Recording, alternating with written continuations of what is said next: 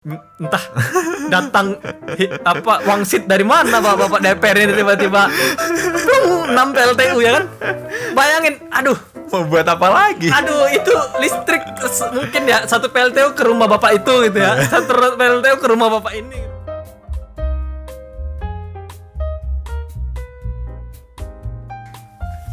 Lanjut.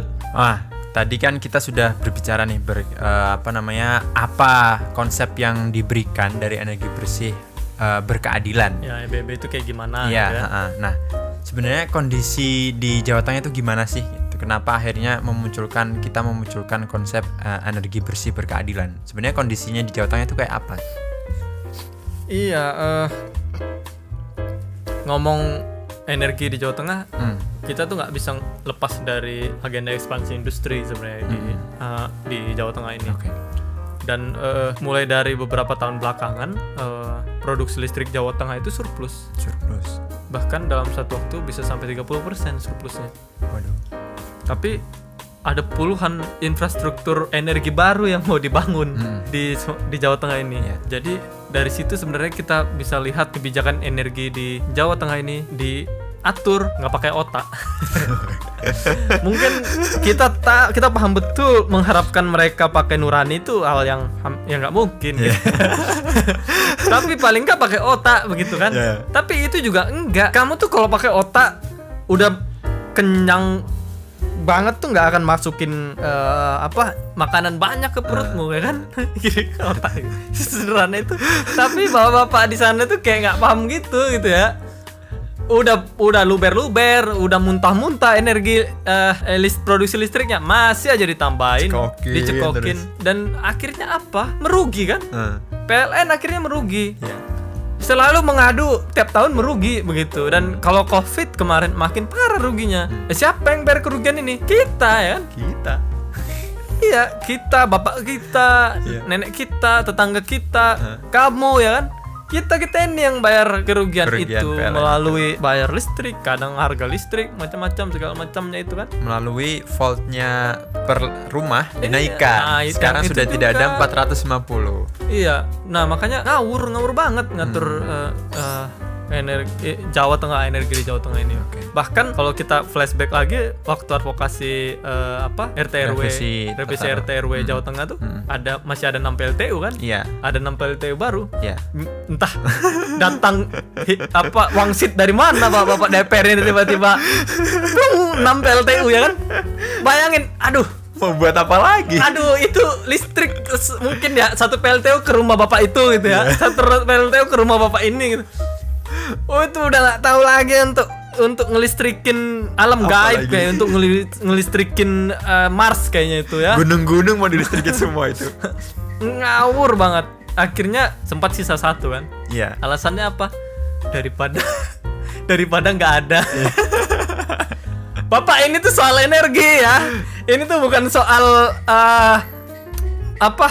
Belanja baju atau ini bukan soal beli cendol? Daripada nggak beli ya. Atau ini bapak oleh-oleh ke Bali beli oleh ke Bali Ya, terus, beli oleh-oleh. terus nggak ada yang nemu oleh-oleh yang bagus ambil satu daripada nggak Daripada ada. nggak beli. ini nggak begitu bapak ya kan? Ini ada masyarakat nih ribuan masyarakat Jawa Tengah ini. Dan lingkungannya yang yang bisa hancur karena alasan daripada Daripada. nggak ada sama sekali. Aduh. Jangkrik. Lah. jadi aku pikir begitu mungkin itulah eh, sangat nggak mungkin kita mengharapkan mereka pakai hati tapi pakai otak aja enggak gitu kan. Iya karena pengaturan yang nggak pakai otak ini kita dikorbankan. Gitu. Bagaimana produksi-produksi ketidakadilan itu gitu ya di di Jawa Tengah. Di PLTU Cilacap misalkan. Pertama PLTU Cilacap misalkan. Oh anak setan anak setan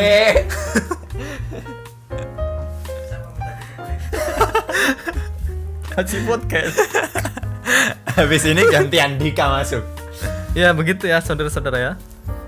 Ya tadi eh, bagaimana produksi-produksi ketidakadilan atau bagaimana penindasan yang lahir dari setiap kilowatt yang diproduksi dari energi di Jawa Tengah tadi Eh, di Cilacap misalkan itu warga kena ISPA dan mayoritas yang kena itu anak-anak.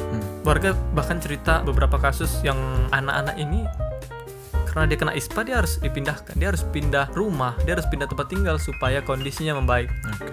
tapi dia nggak punya uang untuk pindah kenapa karena kalaupun dia jual tanah yang sudah tidak produktif bahkan beberapa titik itu udah kena rob harganya nggak cukup untuk mengganti dan beli rumah di tempat lain Justru uh, rumah atau daerah lahan-lahan yang ada di dekat PLTU malah harganya turun. turun karena kan kalau dijadikan hunian dia nggak bisa kecuali Oke. PLT yang beli PLT yang beli juga nggak akan tinggi harganya Mm-mm. kalau itu untuk hunian orang akan mikir untuk beli di sana karena untuk dijadikan tani juga udah jelek Oke. di beberapa titik tanahnya turun Eh, di Cilacap kan begitu Mm. ada penurunan Lahannya tanah yang Ah, sudah ah. tidak produktif dan lagi. macam-macamnya itu kan udaranya udah rusak siapa yang mau berkorban menghirup udara kotor itu di sana nggak lah akhirnya dia nggak punya uang untuk bisa pindah Oke. dia pasrah saja anaknya kena ispa itu Hmm. beberapa yang pindah kena ispa anak dan pindah kondisinya membaik mereka dalam kondisi itu tuh Hmm. warga Cilacap itu terus eh, sumur yang tercemar warga desa itu Sumber air ya, sumber air mereka penghidupan mereka. warga desa itu nggak pakai pam Mm-mm. kita punya air yang menghidupi kita selalu dengan gratis karena kita jaga itu kan dan belum ada intervensi perusak-perusak lingkungan itu kan Oke. industri uh, manggil listrik dan macam-macamnya Mm. kita menikmati uh, perlindungan dari bumi ini lah kira-kira ya. Mm. mensyukuri bumi yang yang memproduksi air tapi itu dirusak sama PLTU mereka airnya tercemar nggak bisa lagi pakai air yang dari sumur itu. Untuk minum juga nggak bisa. Terus eh, beberapa warga itu kena penyakit kulit. Anak-anak itu bintik-bintik merah semacamnya itu. Dan nggak bisa tentu dikonsumsi. Akhirnya mereka pakai pam. Dan bayar kan? Harus Iya. bayar. Itu juga. Dan mereka bayar paling nggak 100.000 ribu per bulan. Dan itu pun nggak cukup untuk kebutuhan mereka. Pun nggak lancar. Iya beberapa Nggak pasti setiap nggak- hari, nggak setiap hari Iya. ngalir kan. Bayangin begitu kondisinya Mm. dan merampas mata pencarian petani dan nelayan. Mm. Mereka mayoritas petani dan uh, nelayan juga. Nelayan itu harus pindah tempat karena nggak bisa lagi nangkap ikan di sana rusak dan dirampas ruang menangkapnya. Tanahnya rusak, dulunya produktif udah nggak produktif lagi. Ada yang masih berjuang untuk mencoba uh, ber- bertahan dengan bertani, tapi kondisinya memang sangat sulit. Belum lagi lautnya dicemari dengan Iya. adanya batu bara. Heeh. dan memperparah rob itu kan kalau di Cilacap itu karena pembangunan fisik di pesisir tuh kan memperparah penurunan muka tanah Hmm. jadi itu itu masih Cilacap Jepara juga nggak beda jauh kondisinya begitu eh, Kemudian Rembang, Iya. kemudian bahkan kalau warga Jepara tuh ngomong langsung nasi put- warna putih kalau nggak ditutup tuh di dalam ruangan bisa jadi warna hitam kain putih dijemur bisa jadi warna hitam. Gila, separah itu debunya itu. Itu dan ya dia dia merusak pertanian warga juga. Karena apa di yang sangat dekat itu berdebu-debunya itu jatuh ke pertanian dan merusak ini merusak eh, merusak pertanian warga. Term- termasuk eh, kawasan pantainya abrasi dan warga itu karena terumbu karangnya rusak sementara ikan tuh berreproduksi di sana gitu. itu rusak juga. Tem- tempat mencari ikannya rusak. Gitu dan eh, ya semua rata-rata sebenarnya begitu kondisinya. Tahun 2005 di Jepara tuh bahkan ada satu anak yang meninggal. Gara-gara? Karena ispa. Ispa itu. karena ISPA dan memang rumahnya dekat banget ke PLTU dekat banget rumahnya ke cero- cerobong cerobongnya itu macam debu dari cerobongnya jatuh ke rumah mereka. Jadi tiap hari anak itu meng- menghisap debu itu tuh menghisap polusi itu itu waktu awal 2005 mati dia anak itu itu eh, PLTU kira-kira busuk lah ya. Hmm. Terus PLTGU yang kata mereka pembangkit listrik tenaga gas uap itu Gas yang uap. katanya lebih ramah, itu juga memproduksi banyak ketidakadilan. Eh, misalkan di PLTGU Semarang ini itu karena dia pakai gas ya, jadi warga itu takut sewaktu-waktu gasnya meledak. Oh, iya. Di beberapa di beberapa tempat rencananya PLTGU Semarang mungkin akan diganti eh, batu bara karena lebih murah kan. Hmm. Karena gasnya juga mulai semakin sedikit. Di kalau baru yang baru-baru PLTGU baru ini pasti akan pakai batu bara. Terus berisik, berisik banget itunya produksi listrik dari PLTGU itu. Jadi meng- sangat mengganggu. Belum lagi rob karena itu di pesisir kan. Lalu Dieng juga begitu pembangkit panas bumi di Dieng itu. Tadi merusak sumber mata air warga bahkan kalau di Dieng itu sempat ada kebocoran pipa waktu itu dulu. Dan itu merusak pertanian warga sampai sekarang nggak bisa ditanami lagi. Bocoran. Dieng itu. Dan di RT RW Jawa Tengah itu ada 18 del pembangkit panas bumi yang Panas baru. bumi baru. dan saya nggak tahu ini mau nyiptain bencana macam apa ini di Jawa Tengah ini dengan ngobok-ngobok perut eh, bumi itu. Kayak gitu sebenarnya termasuk rencana ngawur di Semarang mau bang mau bangun PLTSA pembangkit listrik tenaga sampah, Sampah. yang nggak jelas banget. Produksi listriknya juga kecil nyelesain persoalan sampah juga enggak Itu gitu. Mau buat apa? itu mereka juga bingung sebenarnya. Kalau tanya aja sama mereka bapak mau buat apa sih? Dia juga bingung. Eh, eh, bingung nggak jelas lah itu pokoknya. Itu dan batu bara misalkan itu tadi ya kalau kita kembali itu di Jawa Tengah dengan PLTU Jepara Rembang dan eh, Karang Kandria di Pala Batang tuh tiap tahun tuh bisa 28,1 juta ton 28,1 juta ton batu bara Batu bara yang dikonsumsi setiap tahun oleh Jawa mereka. Tengah ini. Itu macam batu bara sendiri di- diambil dengan merusak lingkungan kan? Dengan mengha- Kalimantan banjir. Sekarang itu gila-gilaan banjirnya. Iya. Mm-mm. karena tambang juga. Jadi dari ini kayak macam menghancurkan hidup masyarakat dari hulu hilir nih. Dari mulai dari batu bara ditambang di Kalimantan ya kan itu udah ngehancurin hidup orang Kalimantan dibawa melalui laut dalam proses di laut merusak terumbu karang merusak eh, belum sampai laut di Kalimantan itu Sungai Mahakam itu kan ada apa Iya. namanya biota yang dia asli sana Ah, ah. itu hilang sekarang Makanya itu, tong- dari sana dari sungai udah udah hancur, laut hancur. Sampai di sini pun Mbak diproduksi untuk pel- lagi. hancur. Sampah lah pokoknya.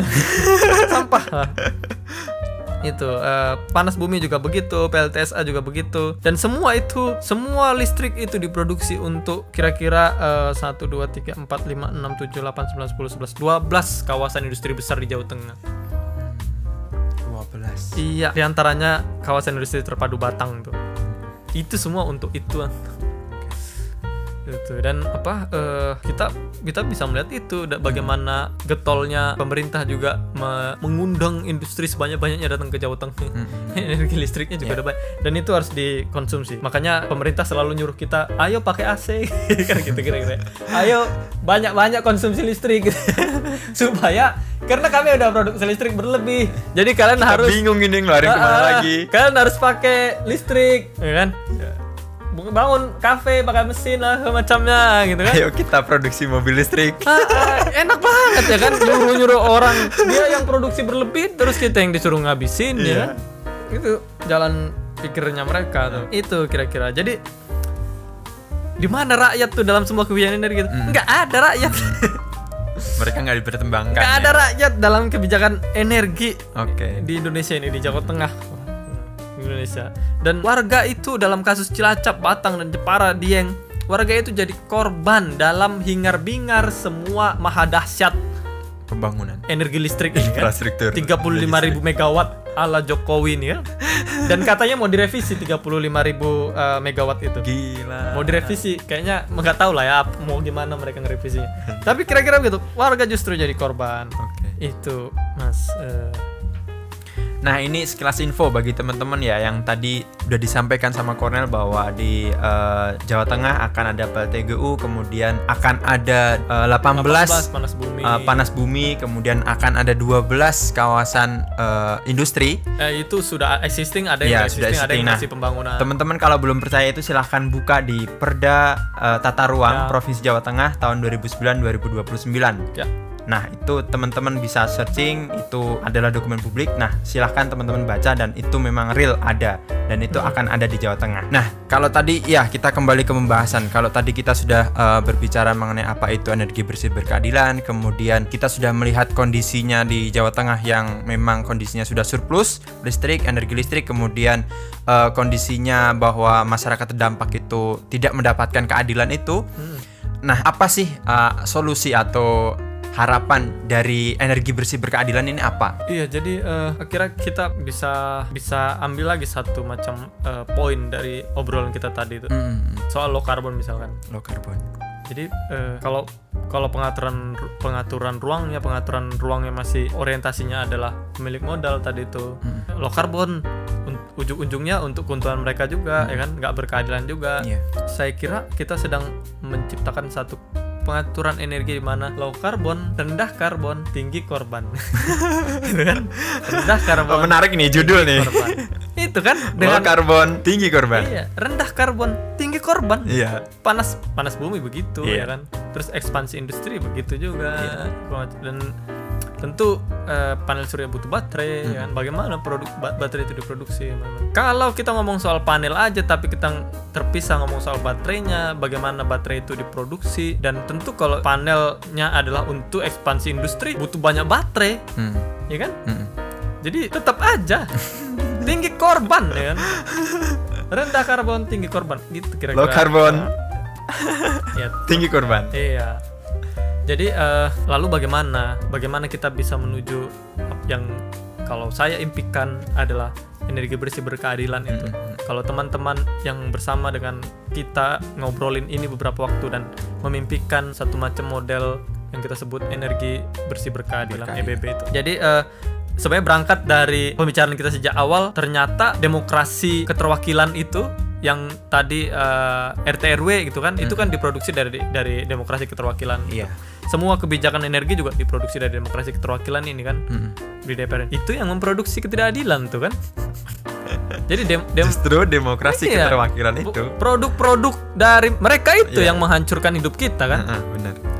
dan eh, dan tidak ada masyarakat dalam seluruh tadi kebijakan, energi itu. Itu. Iya, energi bersih berkeadilan itu yang tadi kita obrolin itu nggak nggak pun nggak nggak bisa hidup dia.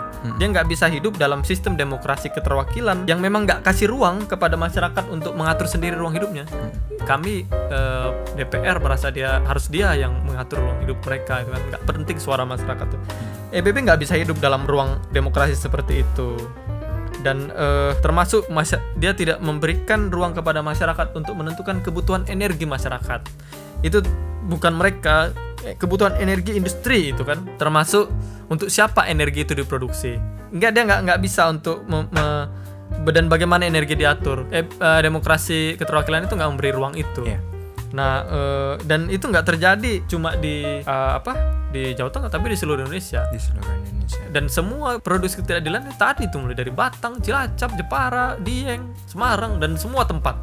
Bahkan kami Kalimantan kan, gitu kan energi eh, eh, apa ketidakadilan dalam produksi dalam sektor energi yang diproduksi oleh demokrasi keterwakilan. keterwakilan. Mm. Jadi kami menurut kami perlu menciptakan ruang di mana EBB ini bisa diwujudkan. Mm.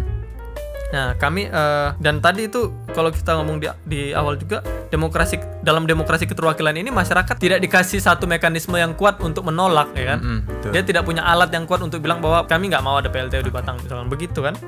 Nah, kami menyebutnya sebenarnya eh, sebagai eh, apa? pengaturan ruang dan sistem demokrasi yang memikirkan dengan serius lingkungan dan memberi keadilan kepada manusia dan lingkungan. Kami mengawinkan demokrasi langsung dengan bioregion.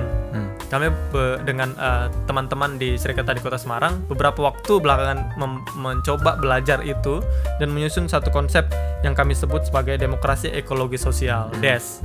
Demokrasi eh, di mana itu demokrasi langsung dikawinkan dengan bioregion. Mm. Jadi bioregion itu kami kami tempatkan sebagai satu pengaturan spasial demokrasi langsung itu.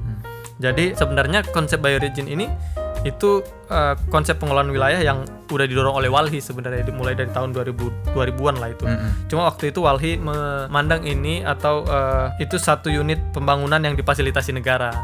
Itu itu waktu itu sebenarnya pembicaraan di Walhi. Tapi kalau di yang kami maksud eh, dalam eh, mengawinkan demokrasi langsung dengan bioregion ini adalah mendorong bioregion menjadi unit eh, ekologi sosial yang menjadi eh, ruang ruang politik masyarakat untuk berlangsungnya demokrasi langsung itu. Jadi masyarakat bisa punya mekanisme untuk mengatur eh, jangan ada eh, apa eh, energi kebutuhan energi macam mana, terus energi diatur macam mana. Jadi ada politik warga yang bergairah tuh. Mm-mm. Tentu ya perlu ada apa pendidikan politik dan diskusi-diskusi dengan macam-macam segala macam itu. Dan eh, itu adalah cara untuk merepolitisasi politik warga yang selama ini seakan-akan tuh yang ngomongin politik tuh cuma DPR aja gitu. Hanya kaum kaum elit. Nah, eh, dan warga tuh seakan-akan dibilang nggak usah ngomong politik lah, Iya. nggak ada gunanya itu. Heeh. Kita mau men merepolitisasi itu tuh. Jadi warga memang harus ngomongin itu karena itu penting untuk untuk hidupnya itu. Mm. Itu tentu eh, lebih detail nanti ada pembagian wilayah berdasarkan bioregion ini eh, yang yang eh, eh, mungkin dalam kertas eh, kebijak kertas posisi nanti itu akan bisa dilihat lebih detail gitu. Idenya sebenarnya itu perlu satu intinya sebenarnya adalah demokrasi demokrasi ekologi sosial ini menjadi satu pilihan sistem di mana manusia dan lingkungan diperlakukan lebih adil termasuk dalam sektor energi tadi itu karena sudah busuk semua ini demokrasi keterwakilan ini menjadi biang kerok dari produksi keadilan semua sektor energi itu. Kira-kira begitu mas sebenarnya mas. Eh, tentu tentu ini butuh butuh diskusi lebih mendalam dengan teman-teman semua dan per- perlu dukungan diskusi dukungan dan kritik dari semua teman-teman untuk kita bisa merumuskan tentu eh, nggak bisa saklek dan nggak bisa demokrasi langsung di tempat lain di dimasukin ke Indonesia langsung tapi eh, kita perlu me- melihat bagaimana Indonesia dan s- eh, me- menyocokkannya dengan kondisi Indonesia ini dan memikirkannya bersama untuk eh, satu macam sistem yang lebih adil untuk saya, untuk kamu, untuk keluarga kita, untuk masyarakat eh, dan untuk lingkungan. Ya. Itu mas, kira-kira mas. Oke, eh, sudah dijelaskan eh, secara kompleks ya apa itu Kompleks. energi Kompleks itu susah ya. secara komprehensif. Waduh. Secara kompleks. ya eh, sebenarnya agak agak ini mas apa mungkin agak agak sulit untuk saya bisa menjelaskan secara lebih rigid soal Mhm, mhm. demokrasi Oke. eh, langsung demokrasi ekologi sosial Iya. ini tapi menurut saya sa- kami eh, kita LBH Semarang dan eh, teman-teman di STKS juga sangat terbuka untuk obrolan lebih mendalam soal satu model demokrasi yang lebih berkeadilan untuk kita semua. Oke, Itu. tapi berkaitan dengan kita ngobrolin dari tadi nih, energi Ya, kelistrikan, tentu, kemudian uh, energi bersih berkeadilan kan. Untuk energi Ya. dalam eh, bagaimana energi diatur dalam sistem demokrasi ekologi sosial tadi. Oke. Ya. Jadi ini tadi kita sudah ngobrol banyak berkaitan dengan energi, kemudian energi bersih berkeadilan. Eh, mungkin ini masih sangat ini ya, sangat sangat belum belum detail lah gitu. Nanti perlu kita bicarakan lebih lanjut. Nah, eh itu kondisi di Jawa Tengah, kondisi yang akan terjadi di Indonesia dan juga Jawa Tengah. Teman-teman mungkin eh, bisa nanti meresapi ini kemudian Sapi ya. Mecin aja. Sapi mecin. itu dirasa bukan Meresap. diresapi cuy mungkin itu dulu Ya. diskusinya kalau kita nanti bahas terlalu dalam akan pusing Ya. kita itu karena apa namanya ternyata kondisi di Indonesia itu eh ya seperti inilah gitu nggak baik-baik aja ternyata masih banyak hal-hal yang eh, hanya menguntungkan satu dua orang saja seperti itu Tiga lah tiga. tiga Bapak, anak, menantu ya. iya ya ya ya. Nah, mungkin eh, kita cukupkan Oke. dulu untuk Ya, eh, terima podcast kali kasih. ini. Terima kasih Bung Arif dan. Bung Haris yang merekam dengan sangat setia setiap Oh, iya. podcast kita ya. Terima kasih banyak, Bung. Ya. Nah, nantikan eh, podcast-podcast kita selanjutnya, obrolan-obrolan asik kita selanjutnya berkaitan dengan isu-isu yang memang sedang hangat dan kemudian yang Isu-isu menjadi yang fokus penting kali ya. Isu-isu yang penting untuk di Ya. Penting untuk kita mas- untuk kita ketahui oleh kita semua. Tetap stay di channelnya LBS Semarang. Stay di rumah jangan lupa di Stay di ya. rumah. Kemudian jangan lupa tetap jaga kesehatan, stay di rumah. Kemudian jangan lupa subscribe Tetap channelnya mencintai. LBS Semarang. tetaplah mencintai. Ya. Oke, oke. Kita kasih. terima- eh, sekian dan terima kasih. warahmatullahi wabarakatuh. Wassalamualaikum warahmatullahi Oh, iya. wabarakatuh. Ah, kau ini. Nah, terima kasih. wabarakatuh. Oke. Cokro.